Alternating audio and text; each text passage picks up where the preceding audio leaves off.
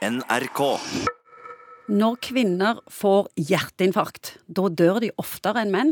Og de fleste av oss vet at du skal ha smerter i brystet når du får hjerteinfarkt. Men Morten Munkvik, det vi tror stemmer ikke alltid helt.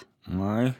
Akkurat dette er jo en litt kjelkete sak, det med kvinner og hjerteinfarkt. For det symptombildet er noen ganger, ikke alltid, men noen ganger annerledes enn for den klassiske manneinfarktet, for å kalle det det. Annerledes var et mildt ord. Jeg syns det er direkte ullent Ja, det er og forvirrende. Ja.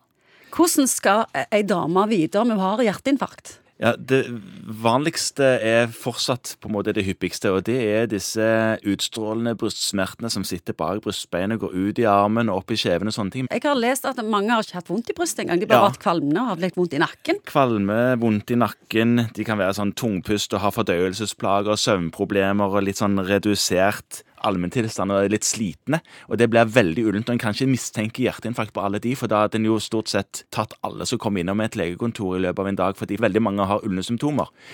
Så det handler jo om her å for det første å huske på at symptombildet er annerledes. En skal ha den tanken om hjerteinfarkt i bakhodet hos en kvinne. Men er det ikke en slags lakmustest ei dame kan ta for å virkelig mistenke et hjerteinfarkt? Jo, det kan man gjøre. Da er det tester man tar på legekontoret som i alle fall til en viss grad er med på å bekrefte den mistanken, eller ei. Da tar man et EKG, en sånn elektrisk hjerteundersøkelse, på en måte, hvor man setter elektroder på brystet og måler.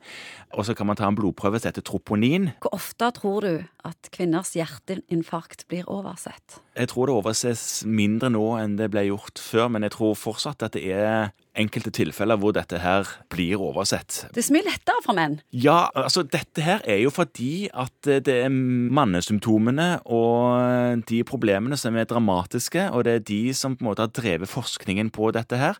Og det er menn som har gjort forskningen i stor grad, og menn som har bevilga penger til denne typen forskning. Nå når en vet disse andre tingene, og man har blitt gjort oppmerksom på dette her, og nå kontra for en del år tilbake er det mye mer likestilling i dette her bildet òg, så er en blitt mye mer oppmerksom og bedre på den typen diagnostisering.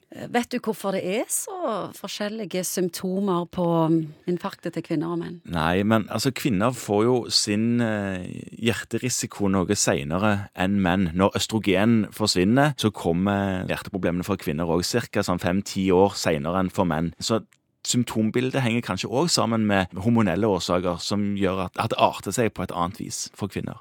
Hvis du mistenker en kvinne har fått eh, infarkt, er det noe en kan gjøre da før hjelpen kommer? Det som er viktig, det er å få den som har infarktet til å legge seg ned, gjerne med bein høyt. Så gir man jo akutt ofte acetylsalicylsyre, som er blodfortynnende medisin. Man gir òg morfin, men det har man jo ikke liggende hjemme. Man kan passe på at hvis de blir kvalme, som de noen ganger gjør, og kaster opp, at de får hjelp til å på en måte ikke få problemer med oppkastet.